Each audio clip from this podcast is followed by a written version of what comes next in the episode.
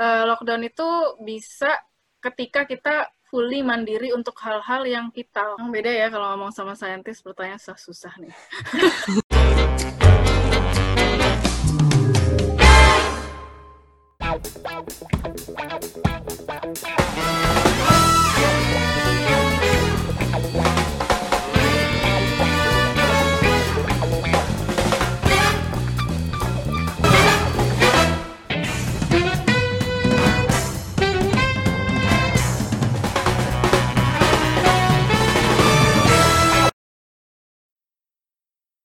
ini sebenarnya balik ke masa lalu sih, beberapa bulan uh, yang lalu. Jadi kan pemerintah itu sempat banyak dikritik tuh.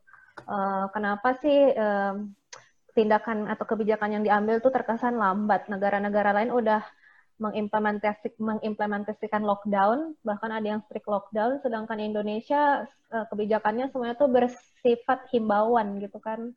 Kira-kira uh, pemerintah nggak melakukan strict lockdown ini nih karena memang pemerintah tuh nggak mampu dan kalaupun bisa lockdown itu kira-kira mampunya berapa lama ya? Karena kan tadi banyak banget kayak bansos dan segala macam itu apakah pemerintah sanggup gitu? Iya, kalau apa namanya full lockdown orang nggak boleh keluar masuk dan sebagainya itu memang menurut aku harus, maksudnya ideally dan maksudnya secara konsep kan pemerintah itu partnernya masyarakat gitu. Kalau misalnya dia menerapkan kebijakan itu dan di enforce, harusnya emang apa namanya diganti dengan kompensasi itu gitu. Jadi uh, yang gue tangkap sih bu, itu kayak 90 80 persen lah lockdown gitu kan. Sebenarnya yang bisa keluar masuk mungkin sangat-sangat dibatasi oleh sektor-sektor vital. Kayak misalnya ya udah kalau misalnya uh, bisa kita nggak punya alat kesehatan ya udah impor alat kesehatan misalnya. Atau apa ya makanan buat buat uh, masyarakat itu masih bisa masuk. Misalnya barang doang itu bisa juga gitu. Jadi kita harus memastikan lockdown tuh kayak lebih put microscope on it gitu. Jadi jangan melihat kayak apa kalau misalnya kita bener-bener istilahnya ya ada daerah yang kalau di lockdown nah terus kita mau makan dari mana gitu kita misalnya uh, bahan makanannya selalu ambil dari luar. Saya ada satu wilayah yang nggak punya sumber daya alam ya udah mereka selalu impor dari luar kayak gitu. Jadi kalau di lock arus barang maupun orang bisa dibayangkan gitu se -se sesiap apa masing-masing wilayah itu pasti beda-beda gitu. Jadi mungkin keribetan itulah yang kemudian uh, maksudnya pemerintah jadinya mengintroduce tuh bukan full lockdown tapi pembatasan sosial besar-besaran. Jadi ekspektasi masyarakat itu yang kita batasi adalah aktivitas sosial sedangkan untuk our main needs kayak makan gitu-gitu itu masih diakomodir. Orang keluar itu sangat minimal. Uh, cost of the lockdown tuh bakalan berbeda untuk masing-masing wilayah. Makanya lockdown ini sebenarnya kayak aku sendiri masih loh, apa nih maksudnya lockdown nasional, lockdown provinsi, lockdown apa nih, tingkat apa gitu. Jadi masih apa namanya? Uh, masih bisa dibicarakan untuk masing-masing cluster gitu. The message is uh, lockdown itu bisa ketika kita fully mandiri untuk hal-hal yang vital kayak makanan, obat-obatan, sama apa lagi ya? Uh, yang vital banget yang benar-benar primary needs lah. Itu nggak boleh di lockdown intinya gitu gitu. Karena memang kita bukan negara yang bisa mensuplai semuanya sendiri kalau masalah barang. Kalau masalah orang aku setuju itu full lockdown aja gitu kalau orang. Nah tapi tadi kemahalannya itu ya memang disesuaikan dengan apa ya eh, masing-masing dinamika antar wilayah gitu. Kayak sekarang beberapa pemda itu uh, duitnya menipis lebih dari yang lain gitu. Misalnya ada yang apa berbasiskan wisata banget let's say Bali atau mana ya yang benar-benar pendapatan daerahnya itu dari pariwisata. Nah mereka akan diberikan uh, opsi untuk bisa dapat pinjaman gitu dari pemerintah pusat. Kayak gitu-gitu sekarang kayaknya lagi digodok seperti itu. Jadi emang the cost will depend masing-masing daerah gitu untuk pertimbangannya lockdown or not gitu ya uh, berkaca dengan pas penerapan PSBB gitu kan. Nah itu gimana tuh? Jadi um, maksudnya secara on paper kan memang ideal ya. Maksudnya kalau misalnya bisa ada uh, new normal dengan ada protokol kesehatan dijaga gitu. Tapi dari segi uh, untuk mengatasi bahwa pelaku usaha itu main-main gitu kan misalnya kayak uh, on paper dibilang oh ada tapi sebenarnya padahal uh, new normalnya sama aja mirip-mirip sama old normal gitu paling cuma dikasih cek temperatur misalnya Emang beda ya kalau ngomong sama saintis pertanyaan susah susah nih.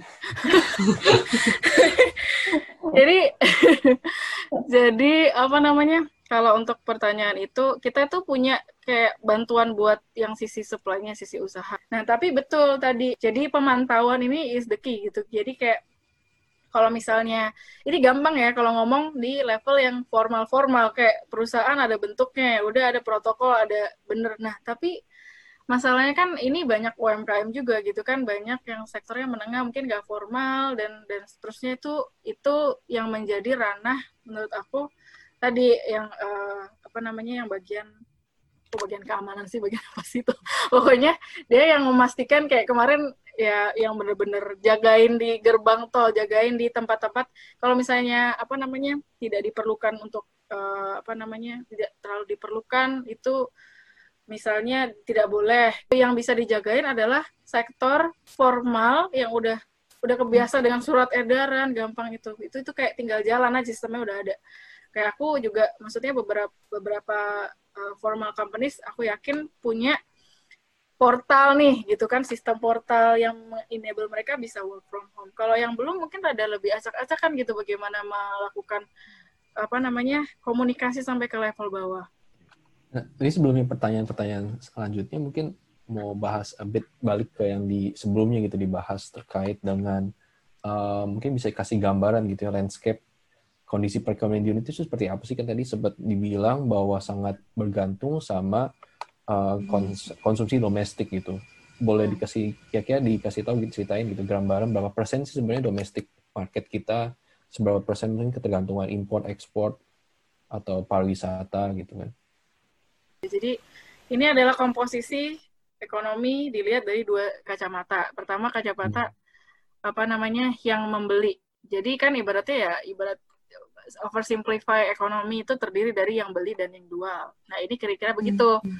Jadi yang beli ini sisi konsumsi ini rumah tangga gitu. Dia beli buat apa? Buat konsumsi barang uh, yang habis pakai, terus investasi itu kayak beli aset, mobil dan sebagainya, handphone. Konsumsi pemerintah ini pemerintah karena memang ini for the sake of classification aja sih seberapa uh, besar yang harusnya itu sebenarnya kan konsumsi pemerintah balik lagi gitu kan masuknya ke konsumsi maksudnya bentuknya itu konsumsi gitu kayak belanja hmm. pegawai ini kan isinya kan pajak yang dikumpulkan yang dibalikin lagi ke masyarakat dalam bentuk misalnya PNS belanja barang itu kan misalnya konsumsi juga kayak gitu. Terus ekspor uh, dan impor ini seberapa besar gitu ekspor impornya. Ini memang uh, apa namanya kalau dilihat dari sisi konsumsi ini kita memang sangat tergantung pada konsumsi masyarakat. Jadi memang kebayang ya, ya biasanya kalau tadi kita di antara 5% gitu, ternyata sekarang cuma 2,7% gitu konsumsinya makanya it drags hmm. down the whole uh, apa namanya pertumbuhan ini pertumbuhan ekonomi kuartal hmm. pertama 2,97 persen jadi hmm. memang uh, karena consumptionnya mostly kalau misalnya investasi dia juga jelek nih performance-nya ekspor juga ekspor sama impor harusnya sangat-sangat jelek ya karena memang uh, dari di kebijakan negara lain kan juga beda-beda ada yang lockdown kita juga nggak bisa kita kehilangan pasar ekspor kehilangan uh, untuk impor karena negara sebelah tidak beros, tidak beroperasi hmm. misalnya jadi nggak nggak mengekspor ke kita kita juga berkurang gitu.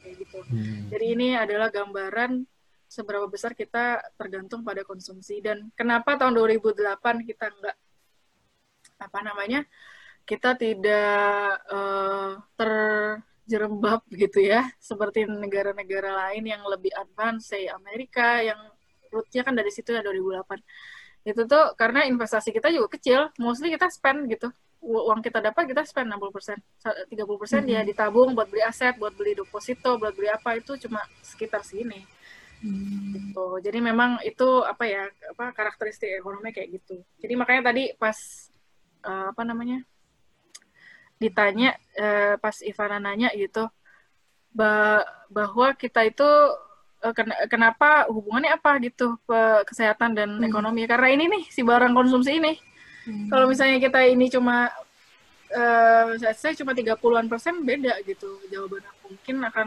lebih apa namanya karena lebih terbagi jadi beda lagi hmm. analisisnya tapi karena mostly konsumsi karena itu uh, 60 persen maka ya itu jawabannya memang sangat link antara harusnya orang merasa aman atau tidak untuk keluar rumah dan melakukan aktivitas dengan barang yang dia konsumsi gitu kan paling yang nggak berubah dan itu tuh kan kayak kita masih beli barang-barang gitu yang punya duit ya tetap beli gitu hmm. kan mungkin lebih gitu kan mungkin belanja online segala macam makanya dia jadi salah satu apa sektor yang justru bertumbuh. Kayak Zoom jadi ini jadi justru jadi winning sektor dia justru laris gitu kan. Semua yang berhubungan teknologi itu kayaknya jadi laris gitu sekarang. Gitu. Jadi kalau kalau dari sisi itu mungkin bisa lihat yang kanan. Nah di sisi kanan ini adalah kalau kita kasih mikroskop dalam bentuk sektornya apa aja sih gitu yang memproduksi manufaktur itu maksudnya pengolahan jadi sesuatu yang membutuhkan pengolahan dari barang mentah jadi barang jadi itu manufaktur dia 20%. Nah, manufaktur ini padat, padat karya. Makanya kemarin yang kita kasih insentif pajak tuh sektor manufaktur gitu. Karena mereka padat karya dan mungkin mostly mereka, apa ya, kuenya dibagi oleh orang yang lebih banyak, jadi mungkin gajinya lebih kecil, jadi banyak yang kena hmm. gitu. Kayak 200 juta ke bawah, itu masih banyak yang memanfaatkan misalnya ya, pembebasan pajaknya.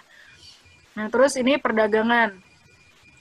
Perdagangan juga uh, ini 13 persen. Dan ini masih banyak sektor lain yang nggak dimasukkan ya. Ini cuma kayaknya mungkin satu tiga empat lima enam tujuh tujuh terbesar dan mungkin strategik. Transportasi ini udah pasti kan kenapa dia turun 1,3 persen doang ini? Ya karena kita basically tidak bepergian gitu kecuali untuk yang sangat penting. Akomodasi kecil sih makan minuman jadi kalau misalnya kita aktivitas makan minumnya tetap jalan ya ya oke okay, tapi itu tidak terlalu apa namanya berdampak karena dia cuma 2,8 persen. Cara analisisnya seperti itu. Hmm. Um, Jadi fokus ke padat karya mungkin biar cegah nggak mencegah pengangguran juga kali makanya difokusin exactly itu kan kalau mau saintis lebih gampang oh, iya. lebih cepat ngerti jadi memang kita fokusnya jadinya ke yang uh, apa namanya yang padat karya kayak manufaktur itu jadi hmm. jadi sebenarnya awal-awalnya kita punya luxury untuk prioritizing ya Hmm. Tapi habis itu kita nggak punya luxury lagi diper, diperlebar tuh nama insentif hmm. pajak diperlebar mau segala segala perdagangan apa macam-macam itu juga dibantu gitu jadinya. Tapi awal-awal yang masih 405 T yang di hmm. yang diumumkan pada saat Perpu 31 Maret itu itu ya manufaktur aja gitu yang padat karya padat karya aja.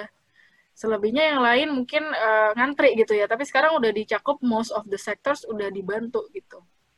Jadi okay. mungkin uh, bisa dilihat juga gitu memang karena eskalasi pandemi apa wabahnya itu juga udah ke semua sektor ya ibaratnya kalau apa ya kalau sektor manufaktur kan pasti banyak buntutnya gitu ya kalau misalnya hmm. apa ya transportasi apa transportasi manufaktur misalnya pengolahan industri pesawat terbang nah kalau pesawat terbangnya nggak ada demand nggak ada transportasi otomatis nggak ada yang bikin pesawat terbang nggak ada yang maintenance pesawat terbang kayak gitu. Jadi kayak trik apa sistemik gitu lah ya. Masing-masing ini tuh ada buntut-buntutnya masing-masing gitu. Jadi mungkin bisa dilihat pertama kriterianya padat karya, terus hardest hit, terus uh, atau mereka apa namanya uh, apa ya dan dan punya apa ya misalnya kalau when it comes down itu siapa yang menerima bukan sektornya hmm. tapi siapanya itu di dikecilin lagi ke orang yang sudah punya uh, performance bagus sebelum covid nih jadi kayak misalnya kita bantuin UMKM bantuin penyaluran kredit modal kredit baru itu kan didorong pemerintah, tapi hmm. diseleksi nih. Hmm. Terus di samping seleksi ke sektor, pemerintah juga seleksinya ke orang atau perusahaan yang dari dulu udah menjadi good good uh, good debitor gitu. Mereka bayar gitu. Jadi sebelum hmm. COVID mereka sebenarnya kagak apa nggak ada apa-apa.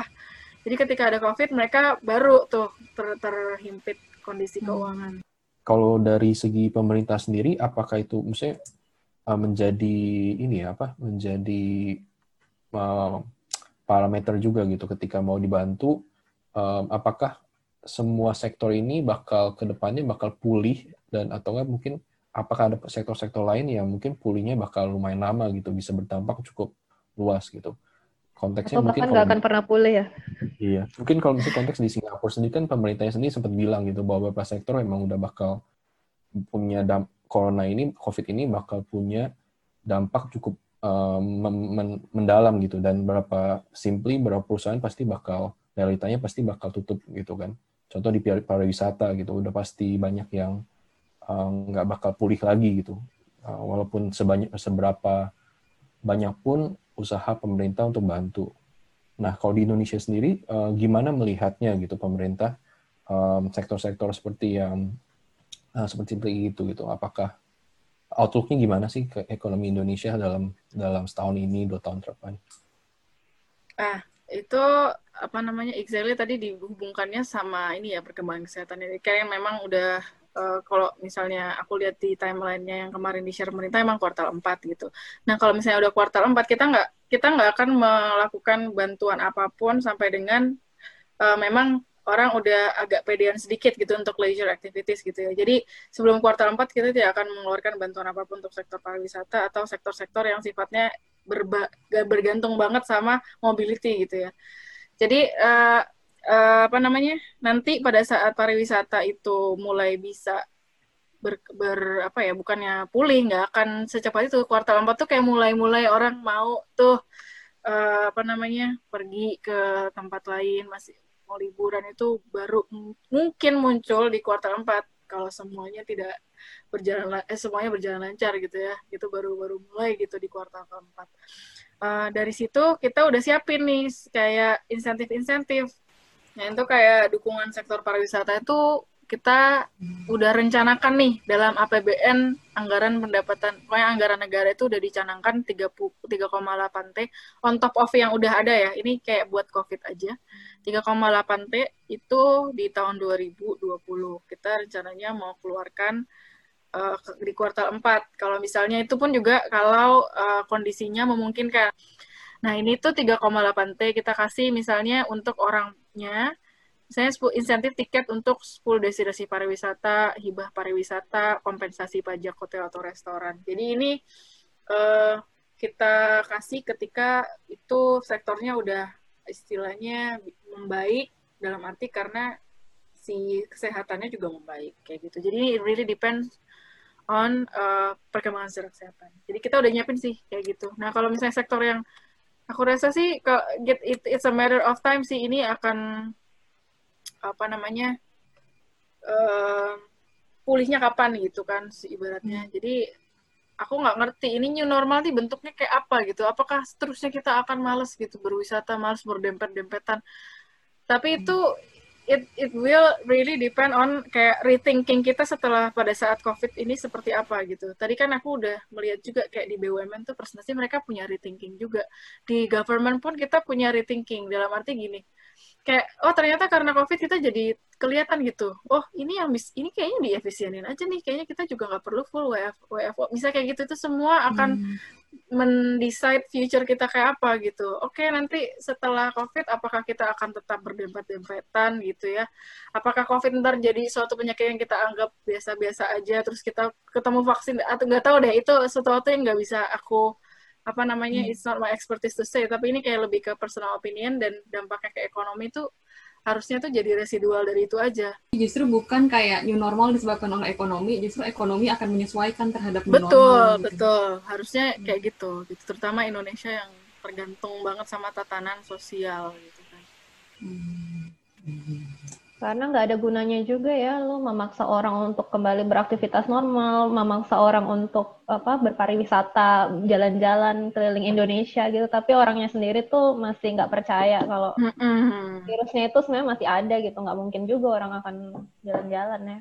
Iya, kayak Spanish nggak tahu sih maksudnya kalau ya dan jalan-jalan, gue ngerti kayak dari segi kesehatan juga kayak apa sih gitu nanti apakah akan ketemu obatnya terus dia jadi kayak influenza bisa kayak gitu nggak itu itu not for me to say hmm. tapi kayak masih ya sih berkelebatan lah di pikiran dan menjadi pembicaraan juga kayak anggaran kesehatan tuh belum termasuk penemuan vaksin dan kalau vaksin itu nanti bisa di mass production atau enggak it's it's a lot different discussion sih kalau misalnya ya itu hmm. tergantung tergantung tergantung tergantung mungkin uh, di awal-awal pandemi banget nih ketika masih uh, COVID-nya itu masih di Cina gitu kan, uh, di Wuhan. Uh, kan sempat ada diskusi gitu tentang uh, global supply chain gitu, gimana kayak uh, menunjukkan bahwa kayaknya perlu nih kita mendiversify, nggak bisa bergantung sama negara-negara tertentu aja.